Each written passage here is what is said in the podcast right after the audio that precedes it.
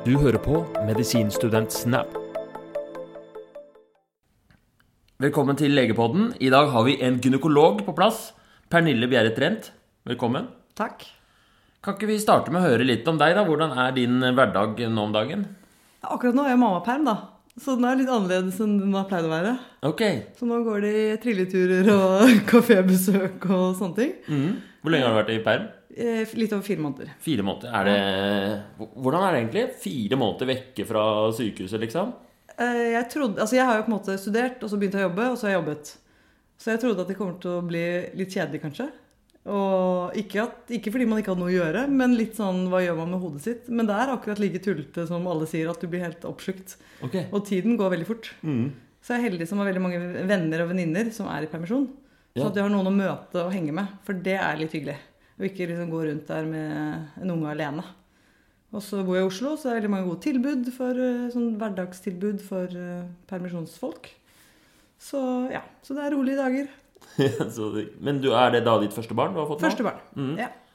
Og var det liksom Åssen er det når du er lege? Må du er det andre Må du liksom time det i forhold til når du er ferdig med spesialisering og sånn? Det er jo ikke alltid så lett å time, da. Nei. Sånn at eh, man må bare ta det når det kommer, tror jeg.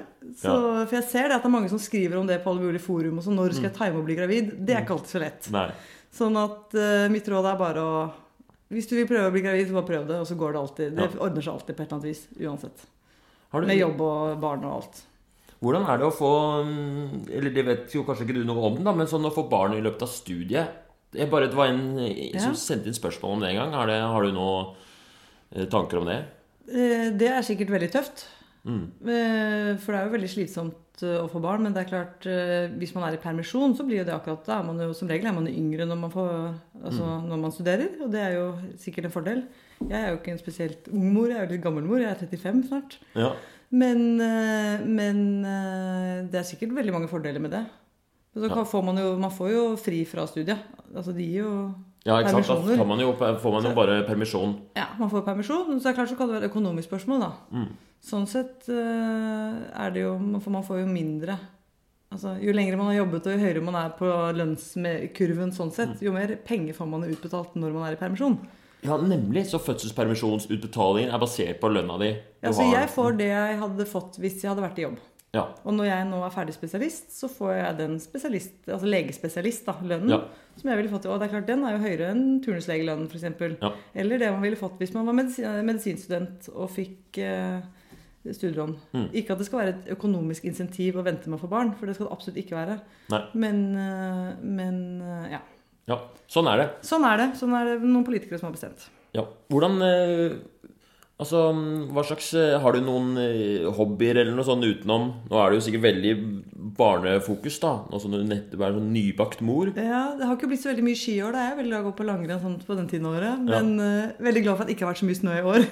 Ja, fordi du har litt skadefryd. På ja, de, ja, jeg er ikke skadefryd, men mer at Og de dagene det har vært snø og gå med barnevogn, er ikke så veldig ja, selvfølgelig. Det er skikkelig dritt. Det er jo veldig førebasert. Veldig Barnevogntilværelsen. Så eh, snøfrie gater er skikkelig deilig når Ja. man går med barnevogn. Ok. Ja. Men la oss begynne på starten av. da. Hvordan var du som student, liksom? Du stud hvor var det du studerte medisin? Jeg studerte i Krakow. Jeg var en av de som ikke hadde gode nok karakterer på videregående og tenkte jeg skal bli lege. Hva gjør jeg nå? To alternativer. A. Gå på Bjørknes, ta opp så å si alle fag. Og kjøre en to-tre års eh, rulle der. Som jeg gjorde? Mm. Ok, ja. Som mange har gjort. Ja. Og det er greit nok, det, for å komme inn i Norge. Eller så kan man dra til utlandet, hvor Ja. kravet ikke er like høyt, men fortsatt uh, høyt. Mm. Eh, og studere der. Og da tok jeg den uh, utenlandsversjonen. Så da var jeg først på en opptaksprøve, som var arrangert her i Oslo. Dette er jo begynner å bli noen år siden, da. Mm. Eh, 2005 var det. Det var opptaksprøve. Og så var det litt spennende, for da var det sånn da ble man delt opp i sånne rom. Det var nesten sånn litt sånn reality-TV. Sånn, nå kan de gå inn i det rommet. Alle bare 'herregud, shit, hvilket rom skal jeg inn i', og hva sier de der? Og så var jeg i det rommet hvor de sa at alle dere er kommet inn. Oi, det var eh, Ja, ja. Det var sykt spennende. sånn alle som har eh, heter det og det, det ste- et steg Ja, fram. ja, det var litt og, sånn. Og dere kan gå inn i det rommet til høyre, og dere andre kan gå inn der. Altså, det var skikkelig ja, Så det var én dag hvor alle kom på Ja, alle som, blitt, alle som hadde blitt kalt inn til opptaksprøven, møtte opp på Soria Moria. Mm. Og så fikk vi utlevert en opptaksprøve som jeg husker ikke om det var 50 eller 100 spørsmål. Biologi, kjemi, multiple choice. En slags eksamen, da. Mm. Ja, ja. Så vi hadde jo lest masse på forhånd. Og, ja. Og så var det da Du måtte ha over et visst eh, nivå. Jeg husker ikke om det var 50 eller 60 ja, det noe sånt. Og så var det liksom de beste av de, da. Ok. Sånn at de hadde så og så mange plasser, og vi tar inn Hvor, husker du hvor mange det var der, og hvor mange som fikk plass? Da jeg, jeg gikk ut, ut og, altså det sluttet i Krakow, da var vi 38 nordmenn Mm. i klassen. Mm. Eh, Men så var vi noen, noen flere som begynte. Sier vi var kanskje 45. Kanskje det var det dobbelte. Ja. På opptaksprøven underkant av 100 stykker, Ja. vil jeg tippe. Det hørtes jo egentlig knallhardt ut, da. Ja, Det var... altså, det var ganske tøft. Ja. Så, men veldig fin måte å Mm. Så da kom, så istedenfor å lese norsk og tysk og geografi, som jeg gjorde, så Ja, Samfunnslære og sånn. Ja. Ja. Nei, da leste jeg Kjøpte jeg en sånn tjukk biologibok Mm. på engelsk og noe kjemigreier. Og så leste jeg på det. Ja. Og så hadde, hadde vi fått utlevert noen sånne hefter og sånn som vi skulle se på. Mm. Ja. Så var det bare å lære seg det, da. Åssen var det å bare flytte til Krakow som eh, Hvor gammel var du da? Du var, Da var jeg 19. Jeg ble 19 20. Ja. Det var, jeg kjente noen som skulle dra, sånn at, men det var litt tilfeldig. Men jeg hadde særlig en god venninne. Og så var vi eh, et par som jeg også kjente som skulle dra. Og det var jo det var veldig spennende, da, for Krakow og Polen er jo ikke det det var Altså, Norwegian fløy dit ukentlig, men det er klart det er jo mye mer å, altså, For alle har vært der ikke sant, nå. Det var ikke sånn den gang. Da var det litt mer eksotisk. Ja. Så vi sendte tingene våre ned med en lastebil som vi håpet kom frem, og bodde Oi. på en sånn dorm uten med sånn felleskjøkken, og det var liksom to og to på rom og delt bad og sånn i begynnelsen. Og, men det var, eh, det var veldig fint. Det var liksom til å komme til en litt ny verden som skulle bli ja, der hvor du bodde, da, på en måte. Mm. Ja. Hvordan eh, Altså, i løpet av seks år det, var, det, var, det er seks år i Krakow? Seks år. Ja. Hva er det som Hva tror du skiller Krakow fra å studere i Norge? Eh, altså for Det første, det som skjer når man kommer ned sånn i utlandet, er jo Det er sånn som skjer med alle nordmenn som reiser utlandet, er at nordmenn rotter seg sammen. Okay. Ja. Og det er på godt og på vondt. Eh, Man får jo et veldig godt studiemiljø. Altså det de gjør i utlandet, der hvor man studerer, er at de har sånn, det som heter English division. Altså du har, De har studier bare på engelsk for utlendinger. Så det er ikke sånn at eh, polakkene f.eks. har mulighet til å studere med oss, for de går på sitt eget studie. Så vi opptar ikke noen polske Det er ikke sånn at vi forskyver polske eh, studieplasser. Vi har vår egen greie, og så har de sin greie. Så er det utlendinger fra andre eh, andre land også. En del amerikanere de går ofte på det som heter fireårsprogrammet, mens vi går på seksårsprogrammet. Fordi medisinstudiene i USA er ofte bare fire år, og så har de en sånn pre-med på forhånd. Ja. Eh, nei, men da blir man litt sånn internasjonalt slash norsk miljø. Eh, man bor sammen, man eh, går på skole sammen, man leser sammen, man trener sammen, man fester sammen. Man eh, gjør alt sammen, egentlig. Ja, Du blir sånn der sammensveisa Ja, gjeng. ja, det blir en skikkelig sånn eh, Ja. Hvor liksom alle kjenner alle på kryss og tvers av årstrinn. Og det var, det var litt mindre miljø der nå enn det det kanskje er blitt nå, for det er blitt større, flere studenter. da. Og de har fått tannlege, tror jeg. Og, ja. Men det blir veldig godt eh, samhold mellom studentene. eh, Fordi eh, man har ikke så mange andre å Ja. man, man er ikke like god til å menge seg med resten. Ja. Og det er jo kanskje svakheten. At man skulle nok vært flinkere til å bli kjent med de polske studentene, f.eks. Ja. Men man er så adskilt i hverdagen at så er det ganske tøft med mye eksamener. De første årene har du jo eksamen altså ikke hver uke, men annenhver uke. hvor det liksom bare er... Annenhver uke eksamen. Ja, så da har du, du skal, altså, Det er veldig sånn, sånn gammeldags akt opp. Pugge, pugge, pugge. Husker anatomieksamen. Det var sånn Da hadde vi ulike temaer. Vi hadde head and neck, vi hadde lower limb, upper limb og ja, thorax var det altså bekk. ja. Og da var det sånn når vi hadde praktisk, da løp eller da var det sånn vi sto i kø i alfabetisk rekkefølge, og så var det fem rom, og inni hvert rom så lå det jo et lik, da. Med en liten sånn pinn på. Og to strukturer. Da skulle vi skrive på et ark hva, hvilken struktur det var. Og den er på en måte enten er det riktig, eller så er det galt. Ja. Og det kan være hva som helst. En muskel, en nerve, Ja. et blodkar. øh, ja.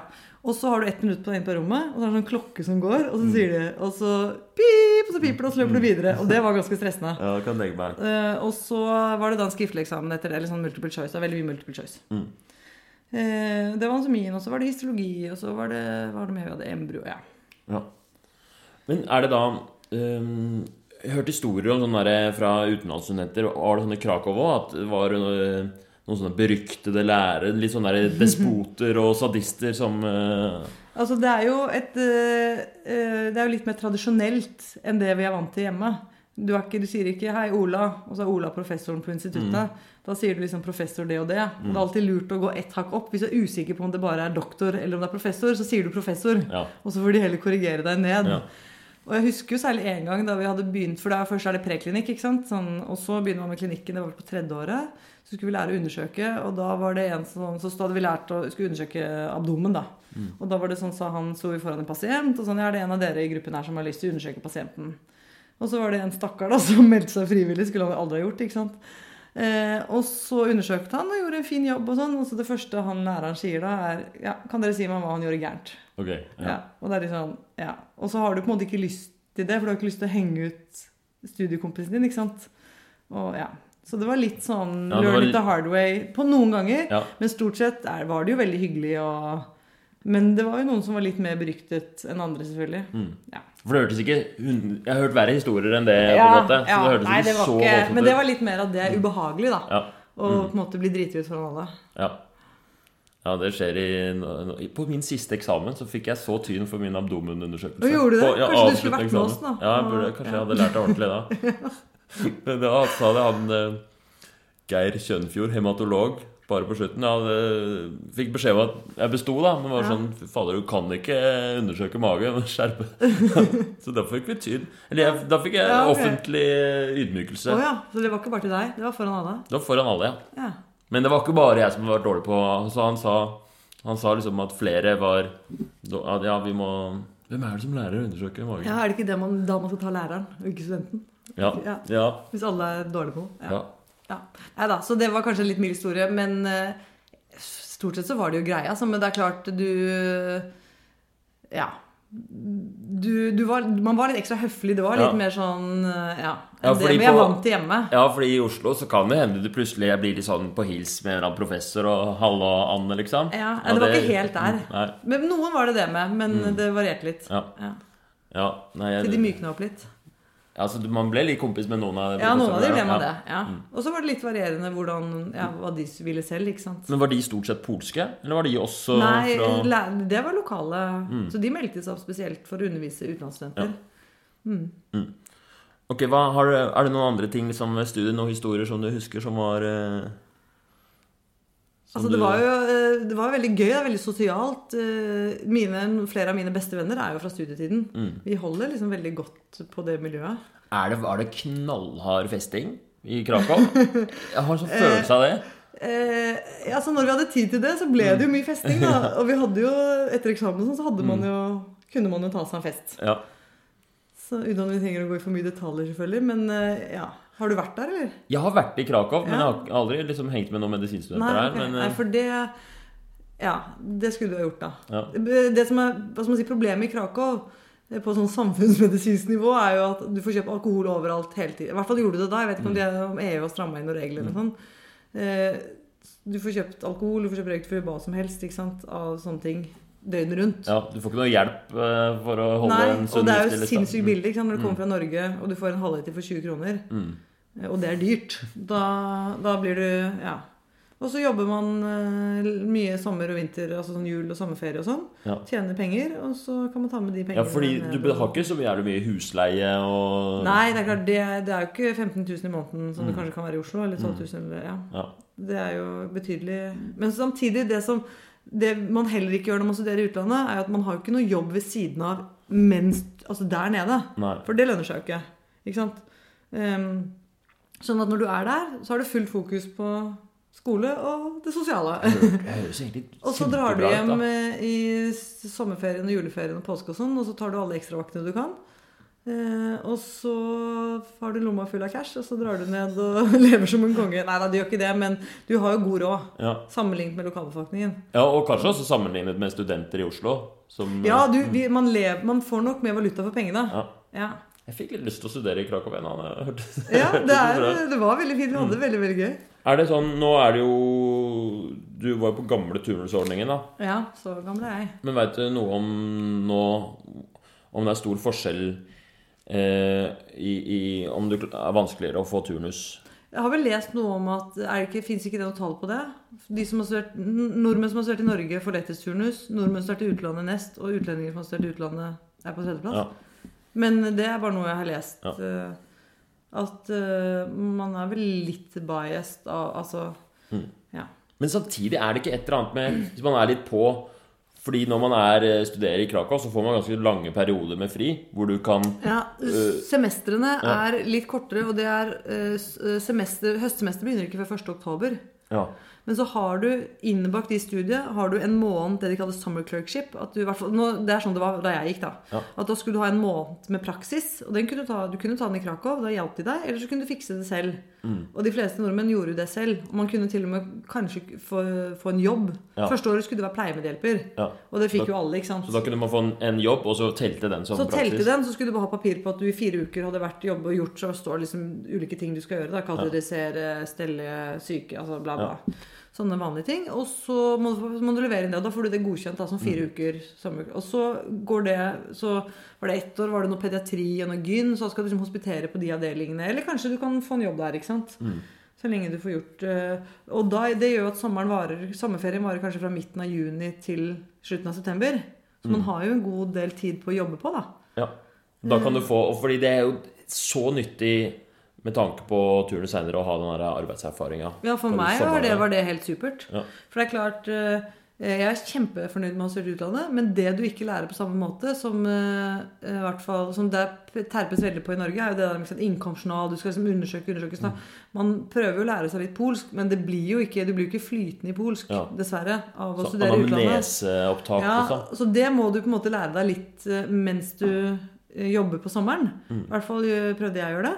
Eh, og da eh, Ja, for å da lære meg det, da, rett og slett. Hva, visste du hele veien at du skulle bli gynekolog? Eh, ja. Nei, altså jeg, jeg har alltid tenkt at det har vært en liksom variert, artig spesialitet. Mm. Så jeg søkte så, første sommer da vi skulle ha det der sommerjobben, da, eller sommerpraksisen som nurse assistant, som de kalte det. Da søkte jeg jobb. Da gikk jeg etasjene med kvinneklinikken med en søknad og leverte til alle sjefene der. Og så fikk jeg napp, da. Perfekt. Som, Da var du i gang allerede fra første året, liksom? Ja, så da eh, var jeg, begynte jeg som pleiemedhjelper, da. På sommervikar, pleiemedhjelper, på gynekologisk sengepost på Ullevål. Mm. Ja. Sommeren 2006. Kan jeg bare spørre én ting om Krakow? Jeg har hørt at eh, Eller jeg veit ikke om det var Krakow eller et annet sted, men at folk driver og stjal lik. Oh, ja, ja, og det var året før jeg begynte. Okay. Så var det på nyhetene. Ja. Og da hadde jeg vel kommet inn i Krakow. Jeg husker jeg satt og så på nyhetene og ble kjemperedd Mm. for man måtte stjele lik og drive og studere de badekaret hjemme. Men det tror jeg var fra Ungarn. Okay. Det var ikke fra Polen, i hvert fall. For Ungarn, det jo man, Når jeg snakker om Krakow, så er det jo veldig likt de andre stedene. Altså Slovakia har masse norske medisinstudenter. Ungarn Så er det litt varierende hvordan det er lagt opp. Men ja. Men eh, du så ikke, det var ikke noe sånn at dere måtte Det er ingen sosiale noe lik. Vi Nei. kjøpte de. Nei, da. Nei, ingen trengte å ha lik hjemme. Vi, vi fikk bruke de på skolen. Det var ikke noe problem. Okay, Ja. Ok, men fortell om, eh, fortell om gynekologi, da. Hva er det som er eh, så appellerende med det, liksom? Hvorfor liker du det? eh, det er jo et veldig allsidig fag, da. Det er jo, Du har den der poliklinikken, planlagte ting, kvinner som har plager over lengre tid, som man må få sjekka ut. Eh, Så har du det operative. Gynekologer opererer jo kanskje mer enn det folk vet. Ja. Eh, og så har du det akutte. Eh, det derre helt kjempeakutte med akutte keisersnitt. Barnet skal ut nå. Mor blør nå. Alvorlige svangerskapsrelaterte tilstander, svangerskapsforgiftning, sånne ting. Ja. Så du har alt fra det liksom helt elektive polikliniske virksomheten til det superakutte. Hva er det du liker best, da? Jeg liker det operative og det akutte. Ja. Ja. Fordi eh, Men en, veldig, en god dag på Ja. politikken skal man ikke kimse av, for det er veldig Ja. hyggelig. Ja. Fordi Det jeg husker fra deg, er at eh, første gang jeg møtte deg, det var da jeg var i turnus på gastrokirurgisk. Ja. For alle som går gynekologispesialiseringen, må ha ett år Ja, med Nye generell kirurgi. reglene er vel at man må ha et halvt år, tror jeg. Men jeg okay. kom, kom under gammel ordning, så jeg skulle ha ett år. Et år. Så da var du liksom gastrokirurg. Ja. Ehm, og eh, jeg, jeg fikk være med deg på et par Ja. appendisittoperasjoner og sånt nå. Og jeg ble så imponert over at eh, selv om du Jeg skulle tro at når man kommer fra en annen spesialisering, og så skal man ta sånn ett år på, litt sånn på bortebane, Ja, at man er litt sånn Ok, ikke så gira, da. Men Ja. da var du eh, Sånn jeg husker det, så hadde du liksom en egen metode for å gjøre appendisitten Appendektomien eh, litt smoothere eller bedre.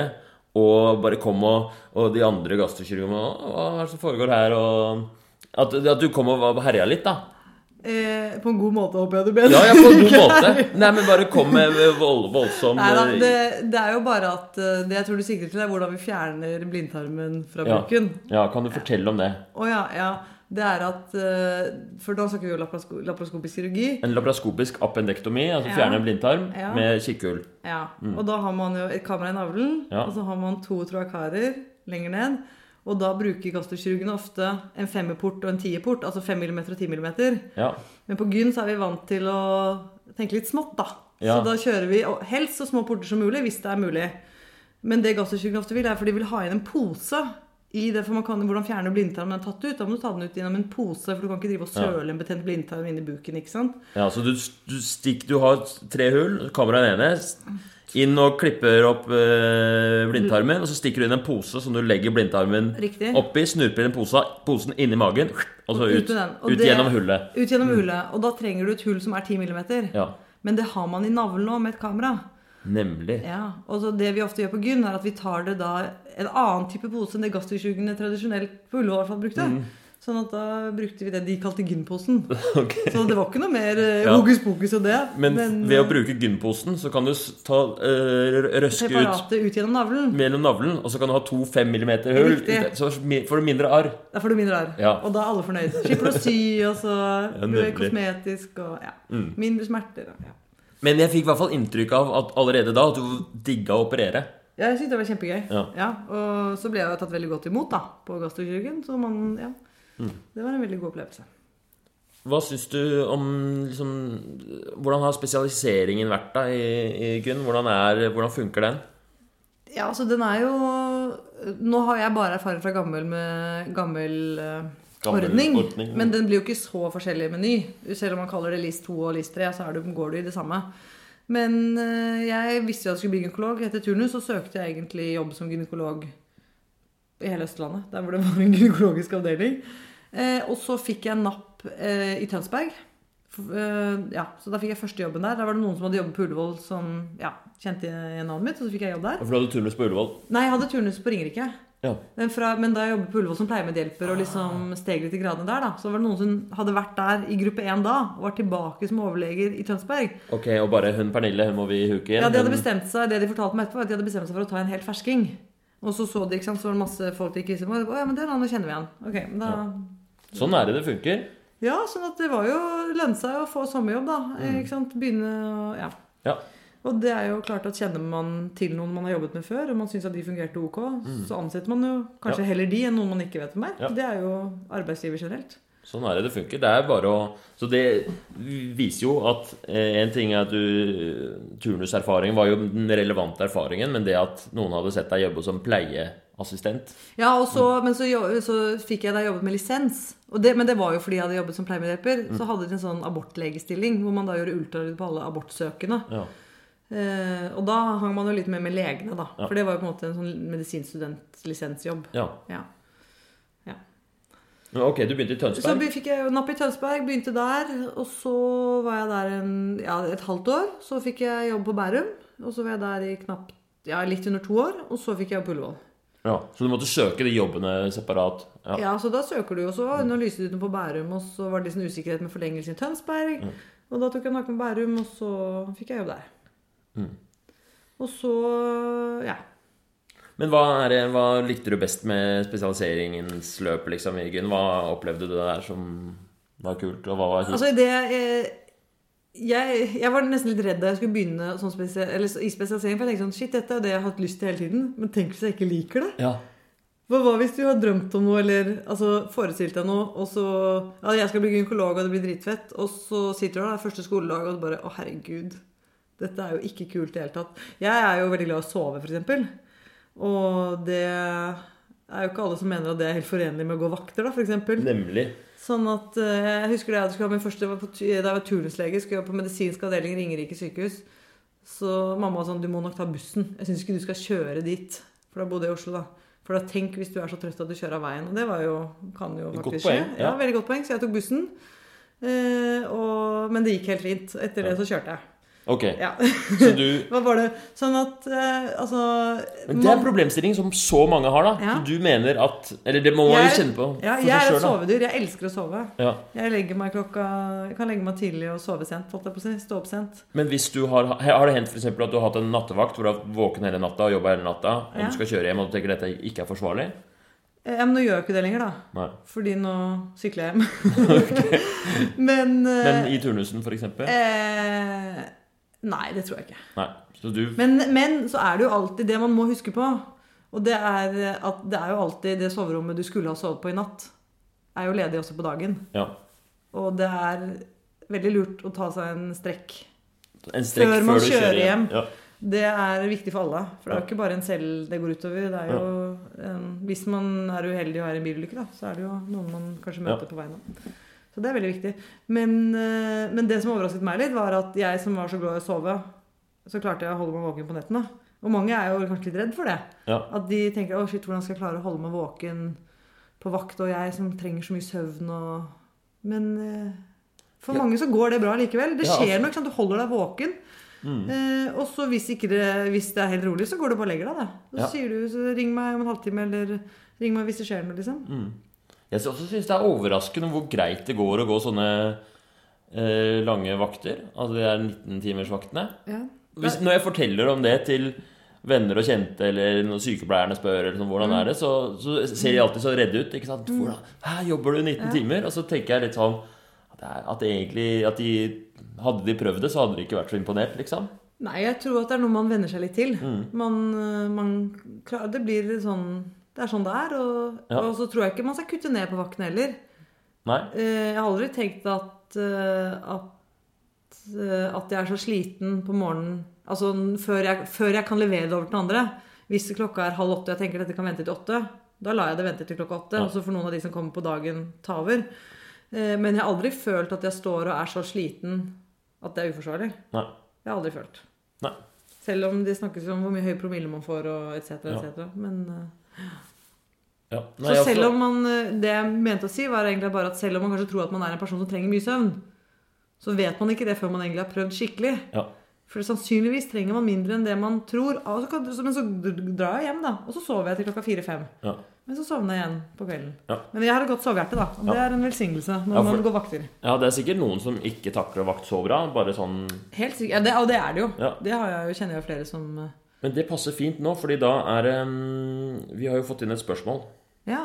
Det her er debut på å, å få inn spørsmål fra lytterne. Men Ja. det er en som For jeg sa at vi skulle ha en gynekolog. Ja. Og da spør de om akkurat det. Um, jeg, her er da en som heter Elise, som er LIS1, turnuslege. Eh, Det står ikke hvor.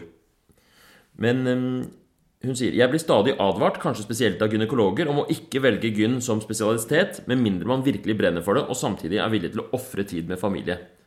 Det virker som det er en spesialitet der en del angrer på valget grunnet stor vaktbelastning, og hvor man må velge mellom karriere og familie slash fritid. Hva er dine tanker rundt det? Er det virkelig sånn at det er umulig å bli gynekolog og jobbe på sykehus uten å måtte ofre familieliv? Og hvor mye mer jobber de egentlig sammenlignet med andre spesialiteter på sykehus? Hilsen Elise Liseen. ja. Det er jo et veldig bra spørsmål. For det er mange som stiller meg det spørsmålet. Ja, jeg har også hørt det mange ganger. Ja. At Gunn, ja, fett, men vaktbelastning. Bam. Ja, så er det mange som mange tror at vi har flere, oftere vakter. Og det er jo ikke riktig. Vi, det er jo sånn at når man, man går jo det som heter sånn delte, delt vaktturnus, som er seksdelt, åttedelt eller tolvdelt. og Det kommer an på hvor mange personer du er som deler på å ha vakt. Ja. Er du åttedelt, så er du åtte stykker. Da har du i prinsipp vakt hver åttende natt. Ja. Eh, og ofte da, Det kommer litt an på hvordan man deler helgene og sånn. Eh, hvor ofte helg det er. og så kanskje man har hver åttende uke fri i tillegg. Ja. Fordi det er med avspasering og sånn. Men det varierer litt lokalt. Men så det er ikke sånn at gynekologer har oftere vakt. Så det, det stemmer ikke at man har oftere vakt. Men det er klart man har en vakt som er Den er jo en aktiv vakt døgnet igjennom. Så kommer det an på hvilket sykehus man jobber på. Hvor stort sykehus det er. På Ullevål for eksempel, så fødes det jo barn hele tiden. Eh, og har du vakt på føden der, så må du beregne deg en våkenatt.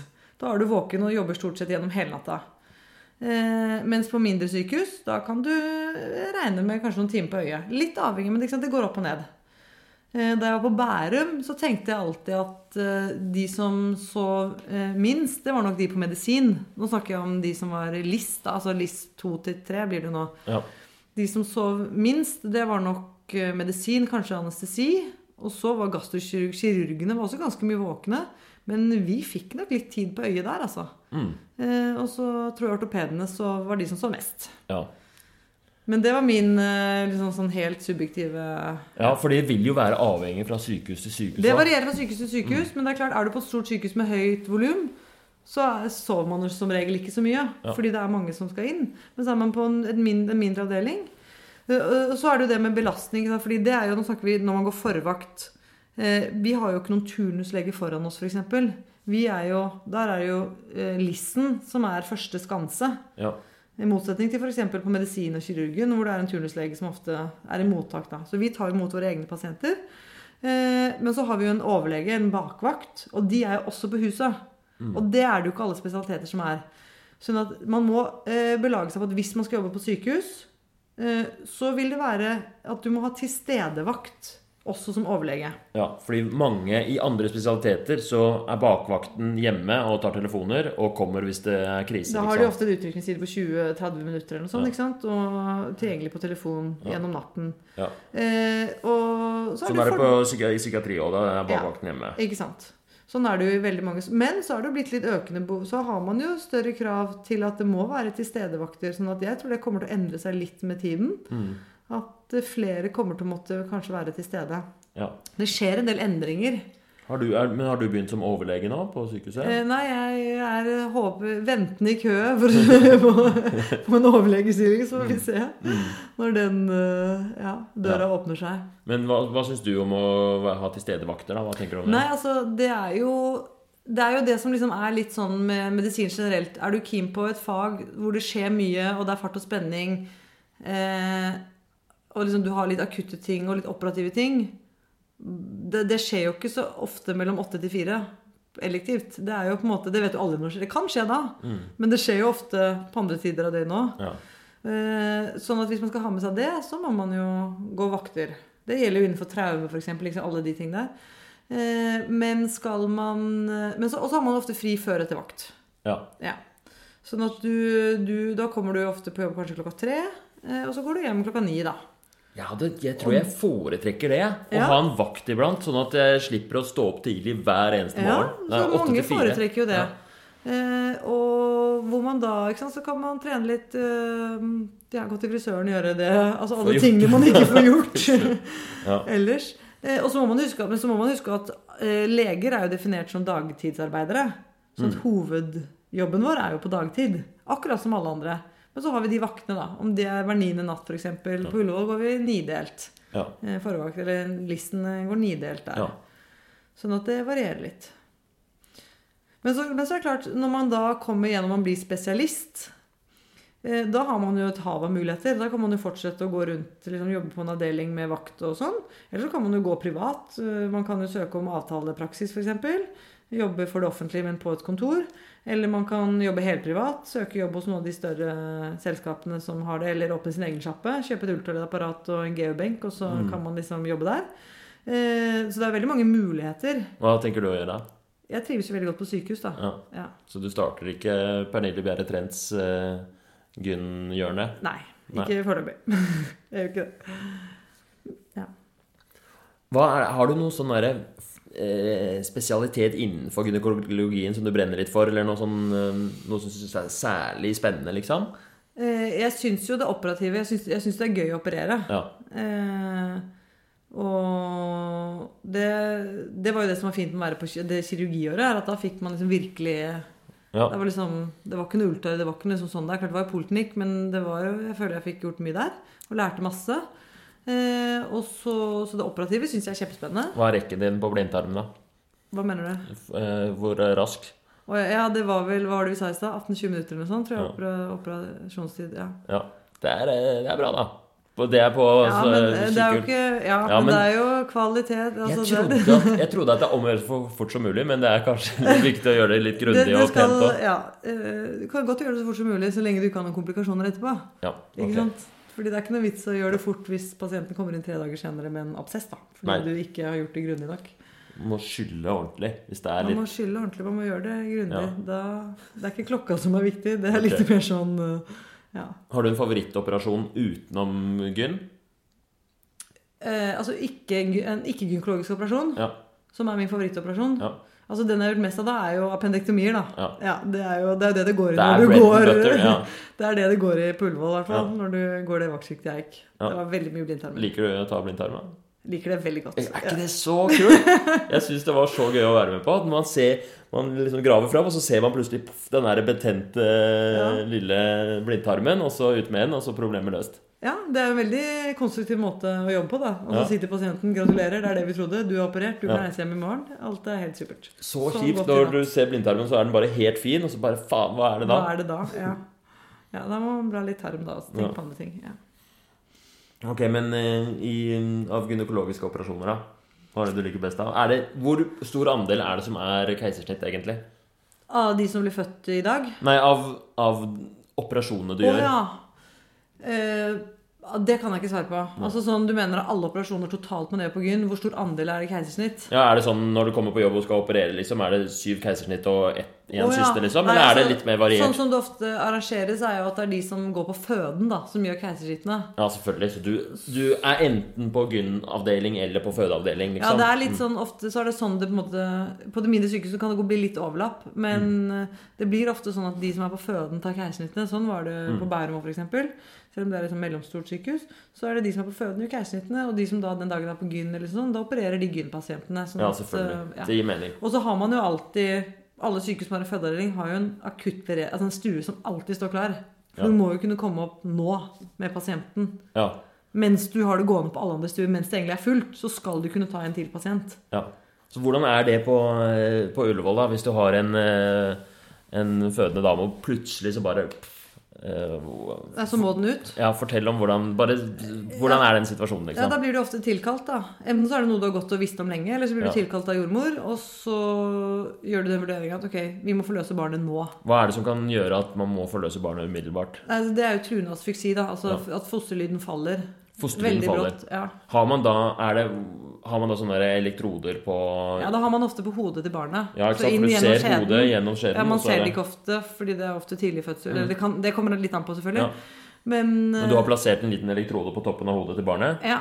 og der måler du Og du kan også ha den på magen, men man får ofte en bedre registrering fra Mm. Ja. hodet. da Og så ser du på, på skjermen. Og så av en eller annen grunn så går den ned. Det kan jo være mange ting. Det kan jo være altså, at ungen er stressa. Men det er klart de der akutte tingene kan jo være navlesårsplapp, det kan være utreseptur det kan være liksom sånne ting, da. Men det er pulsen som, blir, som faller, liksom? Pulsen til babyen som faller. Ja. Fosterlyden. Eh, og så går den ned, og da ja. Så Mm. er det andre gjøre hensyn man tar enn en pulsen, liksom? Eller er det så enkelt? Altså de som hvis pulsen måler, går er under det? ja, det er pulsen vi ser på. Ja. Så hvis pulsen går under sånn og sånn, så er det Ja, da okay, har man vi- visse kriterier, da. ikke sant? Ja. Det er en sånn skala som man lærer seg. Ja. Eh, og, så, og så hvis den liksom går under et nivå og den vedvarer der Det er jo på en måte som å holde pusten veldig veldig, veldig lenge. Mm. Og det skal man jo ikke gjøre for lenge. Nei. Så tåler de en viss periode. Men så må den ut, da. Og da er det jo enten vanlig veien, enten vaginalt. Så prøver man å se om det ligger til rette for en vaginal forløsning.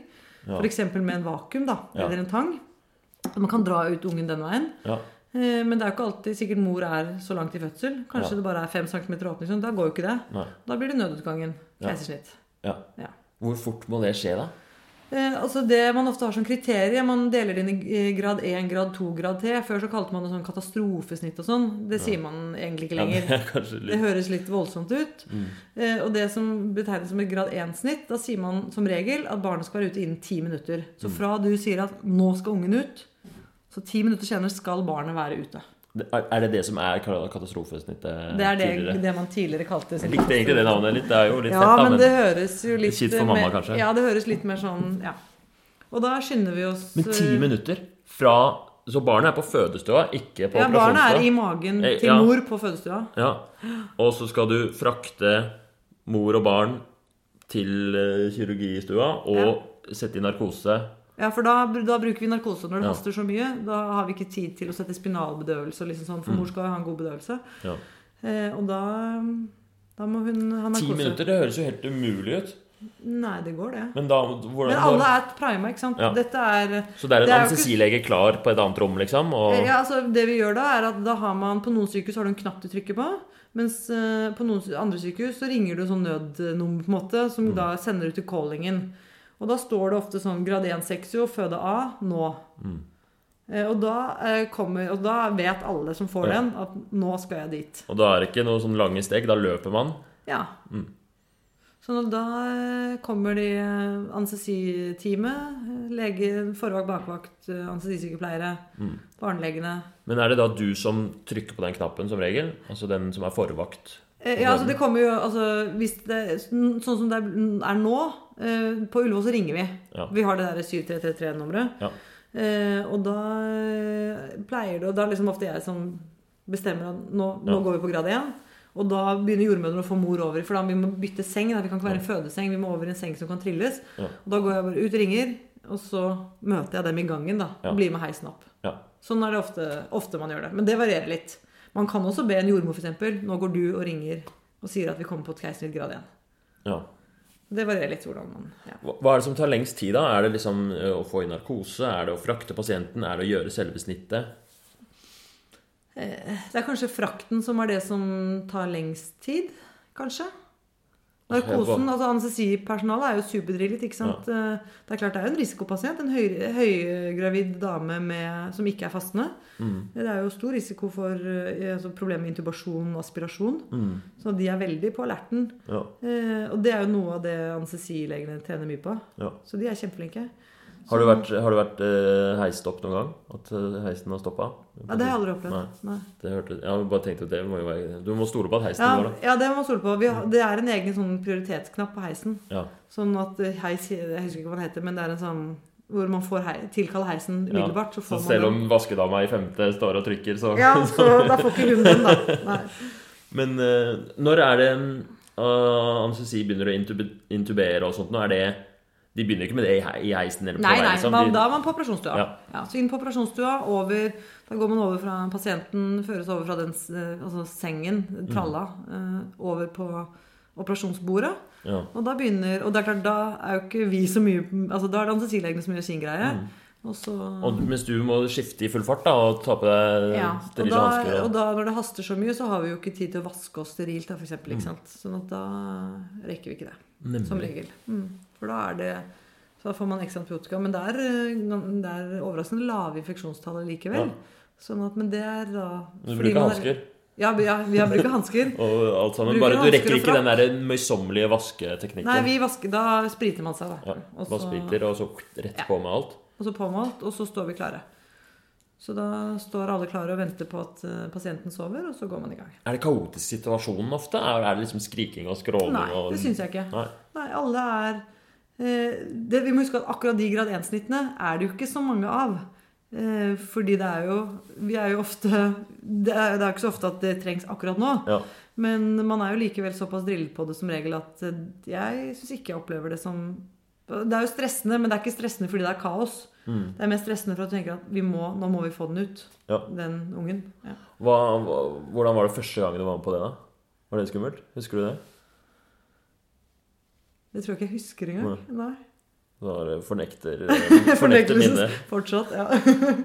Hvor lang tid det tar, tar Eller hvordan foregår selve snittet da når pasienten er eh, intubert og i narkose, og dere skal få ut ungen? Eh, ja, altså Da legger man ut lavt tverrsnitt, eller Fallenstein-snitt. Og så Et, tar hva man for noe? Et, Fannenstein-snitt. et som Ja. er da Lavt sånn- tverrsnitt, rett over ja, bikinisnitt. Bikinisnittet. Ja. Mm. Eh, og så Så det er, bare, det er liksom rett over Rett over eh, behåringen. Ja. Mm. Eh, 10 cm lang cirka, for det er jo så stort hodet er i Ja. diameter. Så man må liksom få Så lite få, som mulig, men så som lite du som mulig, men så stort du trenger. Ja. Eh, og så kommer man jo da inn til subkutane vev, dytter det til side, legger en liten snitt i fascien, kommer inn til musklene, og så da bruker man ofte bare Enten at man river det opp med fingrene, eller at man kanskje bruker en liten saks i fascien.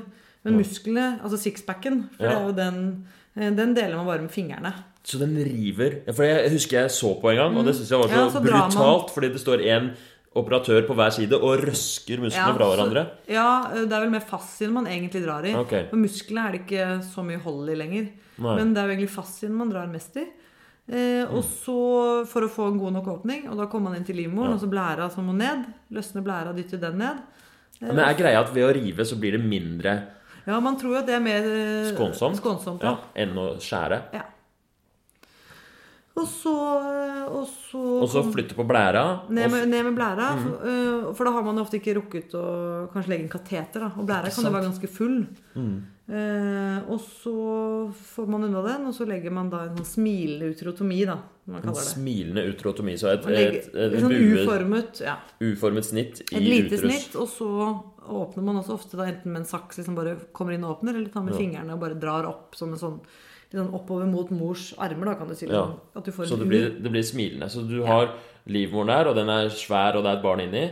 Så blir det lite snitt i bunnen, og så, Ja, litt sånn uformet, og så drar du, fortsetter du U-en, da. og så fortsetter du sånn Litt som om hvis du tar og Ja, løfter, løfter kjakene Hvis du tar tomlene inn i munnen på en person, og så løfter du opp til smilefjeset, smilefjes, liksom. Ja. Den type bevegelse. Ja, riktig. Ok.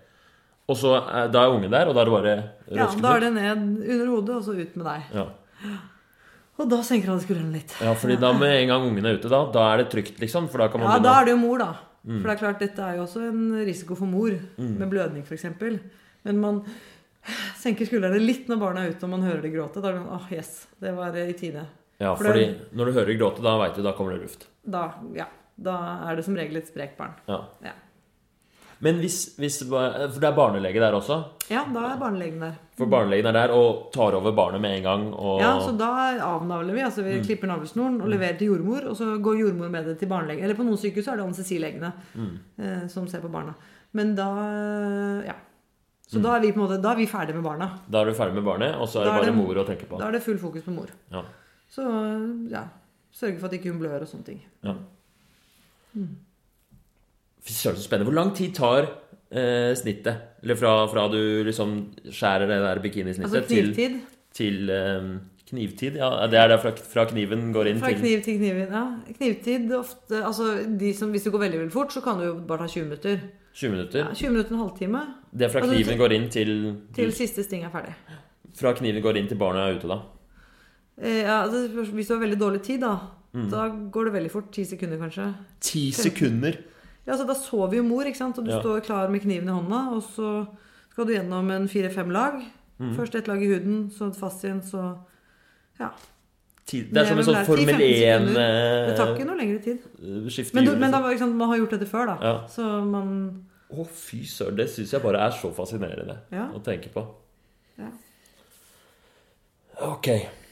Og det er klart, er det så Men har man et planlagt keisersnitt, da tar man det, ikke sant? Da prater man underveis og tar seg god tid, og liksom ikke sant? Da, Ja. da bruker man litt lengre tid. Og da er mor ofte våken òg, Da er sant? mor ofte våken, og far kan være med inn og ja. Digger du det, da? Liker du Syns du det er eh, jeg, jeg får jo helt noia av å tenke på det her. Jeg, jeg vet ikke om jeg hadde likt det, men Nei, og det er jo det sånn i begynnelsen så får man noe litt eh, Jeg skal ikke si man får angst, men man eh, går litt rundt med en klump i magen. For man tenker sånn Og ikke disse tingene er på en måte greie, for her har du en overlege som står sammen med deg. ikke sant? Og hvis, hvis du besvimer av skrekk, så tar jo de over, ikke sant? Men Og så forventes jo ikke at du som første uke som fersk liss skal stå og gjøre dette her. Da skal du bare stå og holde bukkakene, du. Ja. Og så er alle fornøyd med at du klarte å holde deg ja. Eh, eh, altså, ikke, at ikke, Ikke du besvimte, måtte liksom. besvime, liksom. Men, eh, men eh, etter, Så da begynner man med de planlagte keisersnittene. Det er jo veldig fredelig. Da har man god tid, og da kan man, jeg tror jeg tok en time eller på første. Altså, ikke sant? For da har man god tid, og da skal man være møysommelig og ja. eh, ha en som veileder deg godt. Men så etter hvert så går det Men fortere. da ligger jo forholdene litt til rette at man kan få til en ganske sånn gradvis Ja, ja, selvfølgelig. på det. Så sånn at det er jo ikke noe sånn at Vær så god, her er vaktholdingen. Og så går alarmen, og du bare Oi, gud, hvor skal jeg nå? Nei, nå skal du gjøre grad 1-snitt. Ja. Sånn er det ikke. ja. Sånn er det ikke i noen spesialiteter. Nei. Og ja. Og det er i hvert fall ikke sånn i altså de der akutte tingene. Da, da må man eh, eh, på en måte tåle å Jeg skal ikke si man blir skjøvet til side, men da må man tåle at overlegen tar over sjefsrollen. Ja. Ja. Men så man trenger ikke være redd for Hvis man tenker at man vil bli gynekolog, men man er redd for Gud, hvordan skal jeg håndtere de der akutte tingene i begynnelsen ikke jeg kan noen ting, det trenger man ikke være redd for. Fordi det skal du ikke heller. Det har du en bakvakt til. I begynnelsen skal du ringe bakvakten hele tiden og spørre om alt mulig rart. Mm. Gjerne før du ser pasienten, kanskje. Hva skal jeg tenke på nå? Og så når det haster, så gjør de alt. Og så, skal du, og så blir man flinkere og flinkere etter hvert. Ja. Det er ingen som forventer det. At Nei. man kan det i begynnelsen. Ja, så bra. Det virker jo så spennende at det er eh, At det, at det er en, liksom en hverdag. Mm. Og så kan du på en annen side ha en helt annen hverdag hvor du jobber privat på et, eh, Ja. eh, et, et privat kontor Ja. og gjør gynekologiske undersøkelser Ja. som du får henvist av fastlege. Ja, ja. Så det er veldig, og det er jo det som er så fint med spesialiteten, syns jeg. At det byr på så mange muligheter. Du kan gå inn i de sånn hardcore kirurgiske. Du kan bli, jobbe på Radiumhospitalet, gjøre kjempestore operasjoner der. Eller på de større gynekologiske avdelingene drive med masse avansert eh, laparoskopi. Eller så kan du, akkurat som du sier, sitte og ha helt rutinemessig følge opp kvinner som for diverse plager. Mm. Og ja. Sånn Og kreft er- eh, kan du jobbe med. Kreft kan du jobbe med. Eh, ja. Og så kan du gjøre som deg og være på podcast. Du har vært på en annen podkast òg, på Femi, Eh, ja. Femi Helsepodden. Ja. Og driver med folkeopplysning, og det er jo masse Ja, så kan man, ja, kan man gjøre det. Og så kan man reise til utlandet. Er det jo flere, flere kollegaer mine fra Ullevål har vært med Ja, det var vel med Røde Kors. mm. Ja, for det er masse behov for gynekologer i, i altså Leger uten grenser, Røde. Kors, Norad. De, folk er jo gravide og føder og får komplikasjoner underveis under flyktningkriser og kriger og sånn. ikke sant? Ja. Sånn at da trenger man noen som kan det. Det er mer behov for, eh, for reisende gynekologer enn f.eks. psykiatere. For, det, er ikke så, det er ikke så mange Ja, De kommer kanskje litt mer inn etterpå, da, når Ja. alle traumene kommer. Men der og da så er de ofte litt hands on. Ja, Det er ikke sikkert at behovet er mindre, men i hvert fall så er det, det er ikke så ofte jeg ser eh, vi trenger en psykiater til Leger uten grenser. Nei. Selv om behovet kanskje er der, da. Ja, helt sikkert. Um, jeg jeg kom til å tenke på um, en situasjon med Altså, du har gjort et keisersnitt. Fordi i går så hadde jeg eh, sånn undervisning med medisinstudenter om Og da snakket vi om en situasjon hvor det var en fødende dame som fikk en blødning, som var Jehovas vitne, Ja. og som da hadde skrevet Um, En sånn erklæring på at hun ikke vil ha blod. vil ikke ha blod. Ja. Og så endte det med at Og, og litt av grunnen til at jeg kom på det, var fordi rett før du kom hit Ja. eh, til å skulle ha tid, så ringte det på døra. Jeg trodde det var deg. ja. Og så sa jeg 'hei, kom inn, det er første etasje'. Og så var det 'nei, vi er fra Det er eh, to jentenavn fra Jehovas vitner. Ja. Så ha, kan vi komme inn og snakke? Så sa jeg 'nei, jeg har, jeg har ikke tid nå'. Så kikka jeg ut på dem. De var to sånne lekre, unge berter. Skulle kanskje invitert dem inn likevel, da. Ja. Men hva har du vært i en sånn situasjon med Jehovas vitner? Nei, jeg, jeg har aldri jeg, jeg har ikke vært i noen situasjon Jeg har hatt pasienter som har vært Jehovas vitner, Mm. som har skrevet erklæring som jo er juridisk bindende. Mm. Eh, og, men jeg har ikke vært i en situasjon hvor det har blitt et problem. Ja, så det, altså, Hvor det har vært nødvendig med å gi blod? Eh, Det har jeg ikke vært. Mm. Eh, men eh, jeg husker at vi hadde en sånn internvisning hvor det var eh, eh, folk fra Jehovas vitner som var og snakket for oss. Blant annet, om at de er veldig eh, gode på å orientere seg på alternative behandlinger. da Ja. Ikke sant? Med sånn selvsave hvor man kan bruke sin egen Altså resirkulere sitt eget blod, egentlig. Og ja. det er viktig f.eks. For, for gravide kvinner har jo De kan, faller jo ofte litt i HB. Mm. Sånn, blodprosenten blir lav på slutten av svangerskapet, og det er viktig å holde den så høy som mulig da, hvis man ikke vil ha blod, For okay. Men Hvilke muligheter har vi innenfor der? Man kan forebygge eh, blodoverføringen på en eller annen måte? Ja, man kan på en måte si at du tåler et større blodtap, da. Ja. Fordi du har litt å gå på. ja. For det er jo bedre Det er jo verre å miste en liter blod hvis du har en HB på 9 som utgangspunkt, enn hvis du har en HB på 12, da. Det er jo i hvert fall veldig kontroversielt det tema. Det som skjedde i den eh, situasjonen hvor det var eh, en dame som eh, hadde født sitt andre barn, og som legen vurderte at hun ville dø hvis hun ikke fikk blod. Og så er regelen sånn at eh, hvis det er påtrengende nødvendig helsehjelp, så, kan du, så skal du gi den helsehjelpen med, selv om pasienten motsetter seg, med mindre så er det et unntak da, hvis det er Jehovas vitne eller annen sånn Ja, religiøs som har skrevet under de må ha, Det er noen sånne formaliteter Ja. de må ha skrevet under på. Så da var det ikke lov for han å gi blod, men han gjorde det allikevel. Ja. Og så ble det rettssak etterpå. Og så fikk han, en advarsel, sikkert. ja, han fikk en advarsel Ja, og ble dømt. Mm. Ja, bedømt, Men han fikk, mistet nok ikke noe lisens. Mistet ikke lisensen. Men han fikk en formell advarsel av Helsetilsynet. Ja, Ja. akkurat Og det, er det, og det er det som skjer. Ja. Har jeg også hørt. Men jeg har aldri vært i den situasjonen. Nei. Men Hva tror du hadde gjort det. Ja, det er veldig vanskelig å svare på. Ja. Det er så Nå er det jo heldigvis, heldigvis, heldigvis sånn Mm. at det er veldig få kvinner i Norge som havner i den situasjonen. Ja. Sånn at, øh, at øh, men, men det å føde er jo en øh, risiko for Mm. stor blødning, for sånne ting. Så man må alltid ha, Ja. ha det i bakhodet at man forebygger store blødninger hos alle pasienter. Og selvfølgelig hos Jehovas vitner, hvor, man, eh, seg- hvor kvinnen kan motsette seg overføring, så er det viktigere å være enda mer på ballen. da. Hva er det sånn vi må kunne på Hvis, eh, hvis eh, du er turnuslege og er på legevakt et eller annet Ja. sted, og uh, du har forløst et barn Ja, vaginalt, Ja. og så kommer det masse blod. Hva skal man gjøre da? ja. Da skal du ta på hansker. Det har du sikkert allerede gjort. Eh, gjerne sterile, hvis du har det tilgjengelig. Og så klemmer du på livmoren. Klemmer på Og livmoren den fra, kjenner du veldig godt fra magen. fra magen, ja. Og da er man høyrehendt, så tar man ofte venstrehånda. Venstrehånda på magen. På magen finner livmoren. Det der er som en svær deigete klump. Så den kjenner du Ja. hos en kvinne som akkurat er født. Eh, og så eh, da presser man litt blod, og hvis det da fortsetter å blø masse, da tar du en hånd inn i skjeden. Mhm. Og så former du den som en, altså som en Du knytter hånda, mm. så presser du det, de hendene, altså hånden på utsiden og hånden på innsiden, presser du mot hverandre. Da klemmer du Ja. sammen. Som om du på en måte slår deg selv i håndflaten. Som om du slår deg selv i håndflaten. Men eh, bare sånn helt eh, teknisk Knytter jeg neven Får jeg til det når jeg er inne Ja, i du må huske at det, livmoren? Liksom? det er født et barn med et Ja. på omkrets Ja. på 35 cm. Ja, Så det er ikke noe vanskelig å komme inn, og så knytter jeg neven, og så lager jeg da den Ja. derre Så det er klart at hvis eh, morkaken ikke er forløst ennå, Mhm. eh, så jo, kan man jo prøve å se om den drar litt lett i den, da. ja. Ja. Altså i navlesnoren. ja, fordi navlesnoren Vil den her vært Ja, for hvis morkaka er der fortsatt, så gjør jeg det først. Tar ut morkaka. Ja, men det kan jo være vanskelig. Ja. For det, det, fastsittende morkake er jo en veldig stor grunn til blødning. Mm. Så man skal ikke liksom rive og røske helt uhemmet. Mm. Men man kan ta et forsiktig Det er klart, altså Vi drar jo litt i den. Mm. Vi har gjort det før. Ja. Men man kan ta et lite drag, holde på livmoren med venstre hånd, og så drar man litt forsiktig i den livmoren mens man eh, i i navlesnoren mens man masserer livmoren. Mm. Eh, og da ser man om ikke morkaken faller ut. Hvis morkaka ikke kommer i det hele tatt, da, Ja, da bare klemmer du. da bare klemmer du og Man gjør skviser, aldri liksom. noe gærent i å klemme. Og morkaka ligger da Inni livmoren. inni livmoren, mellom knyttneven og Ja. på en måte hånda di, liksom. Og så kjører du så fort du kan til sykehus. Ja.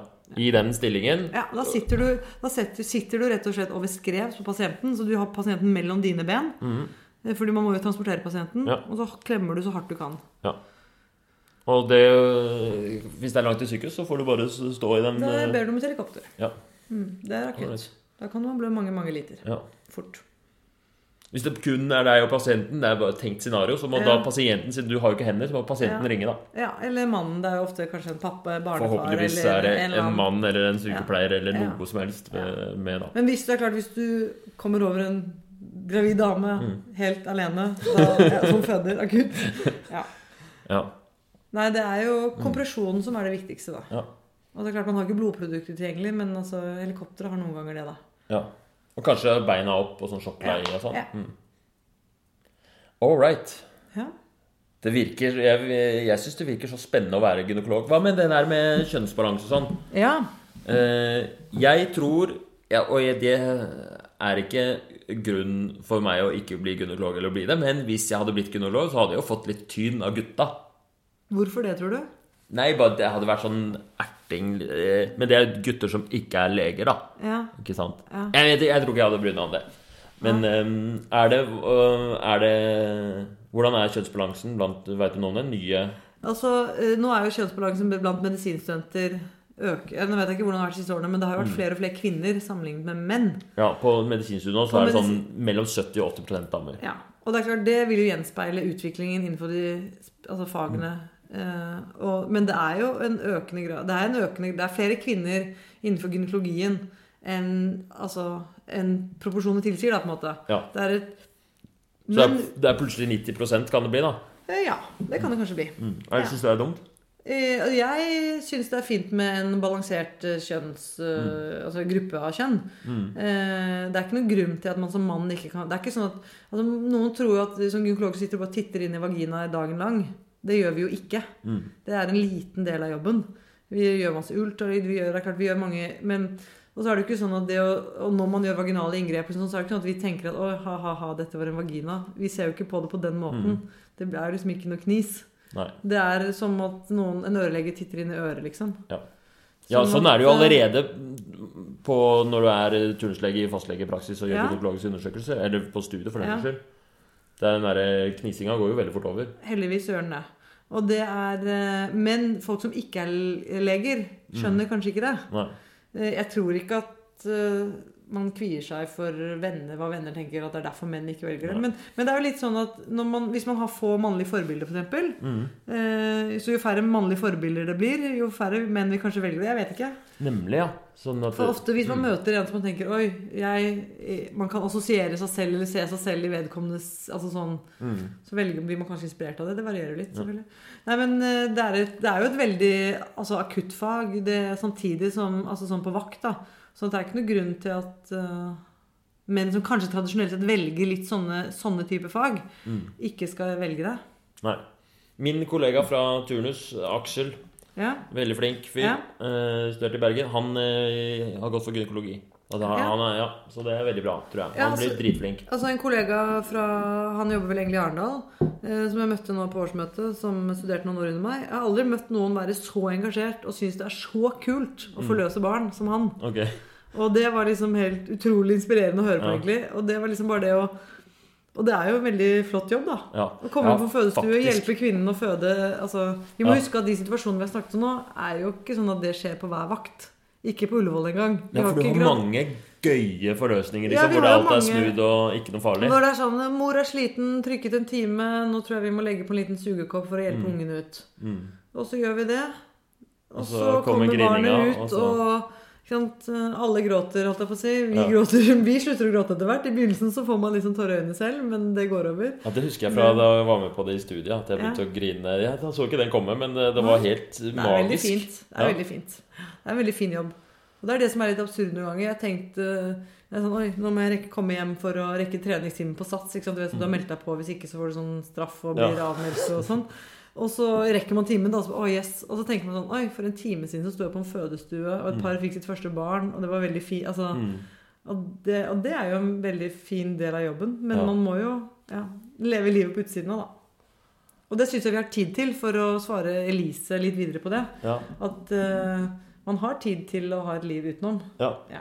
Det er ikke noe sånn mer Du jobber ikke mer som gynekolog enn Nei, man, Noen ganger kanskje man jobber mer på natten. Ja. eh, hvis man blir værende på sykehus. Eh, ja. ja. Nei, Jeg håper Elise fikk eh, svar på det. Er det noen andre Har du noen tips til, til hvis man ikke er så rutta på gyn-undersøkelse? Hva er det Eh, nei, det, man må jo hvis, altså hvis man ikke føler seg så trygg på det, da, mener du? mm. Ja. Man må jo kanskje først bli kjent med det utstyret man har. Ja. Ja. Det er så lurt! ja. Fy søren, det er Og godt tips. Det er liksom- så mange ganger jeg skal gjøre gynundersøkelse, så kommer jeg inn i det rommet, Hvordan er det så man åpner den der greia igjen så Ja. ser ut som en andenebb? Ja. Liksom for, ikke, for man kan jo være uheldig å klype, f.eks. Ja. Og det er jo ikke spesielt hyggelig for pasienten, men heller ikke for legen. Ja, Og hvis man der, fomler og mister ting på gulvet, og så, oi, så var det ikke Ja. sterilt likevel, og gud.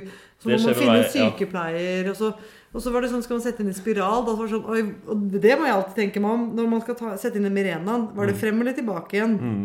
Hvis det er en stund siden jeg har gjort det, så er det sånn, da må jeg bare Ok, ja, det var frem. Jeg husker ikke akkurat nå. Det er tilbake, jeg. Jeg tror jeg er tilbake. Det er sånn, det er eh, inn, og det er sånn først nedenveien, og så overveien.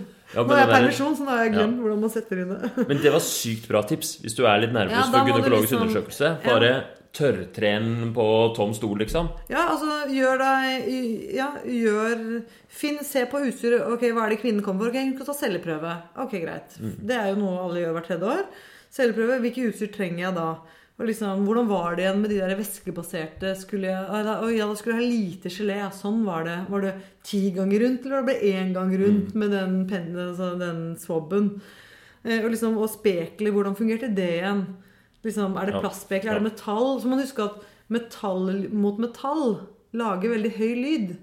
Og for pasienten kan hvis man fomler veldig, hvis det ligger på et metallbord og det blir veldig mye metallyder, så kan det høres litt skremmende ut, faktisk. Ja. Hvis man er For pasientene, hvis de er nervøse og legen er nervøs, det Ja.